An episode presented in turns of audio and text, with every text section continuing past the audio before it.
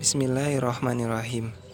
Assalamualaikum warahmatullahi wabarakatuh.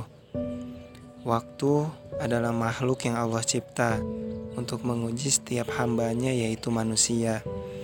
Ada manusia yang berada di waktu pagi, lantas menggunakan waktu itu untuk berbagi. Sehingga malaikat pun malu jika tidak mendoakan agar rezekinya ditambah dan diberkahi.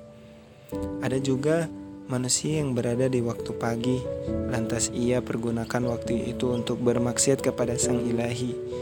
Bukannya mendapatkan manfaat dari doa para malaikat, malah nauzubillah mungkin laknat yang sedang mendekat. Setiap yang kita sedekahkan, Allah balas dengan 700 kali lipat. Jadi, tunggu apa lagi? Dan mau sampai kapan? Ayo, kita perkuat keyakinan Buktikan dengan amal perbuatan, mulai dari yang kecil, mulai dari saat ini. Firmannya, perumpamaan orang-orang yang meninfakkan hartanya di jalan Allah seperti sebutir biji yang menumbuhkan tujuh tangkai. Pada setiap tangkai ada seratus biji.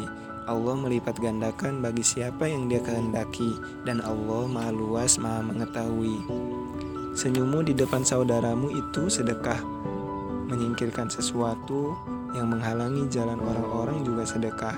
Apalagi sedekah harta, itu akan sangat berharga untuk orang-orang yang menerimanya. Jadi, sudah sedekah apa pagi ini? Salam khalifah.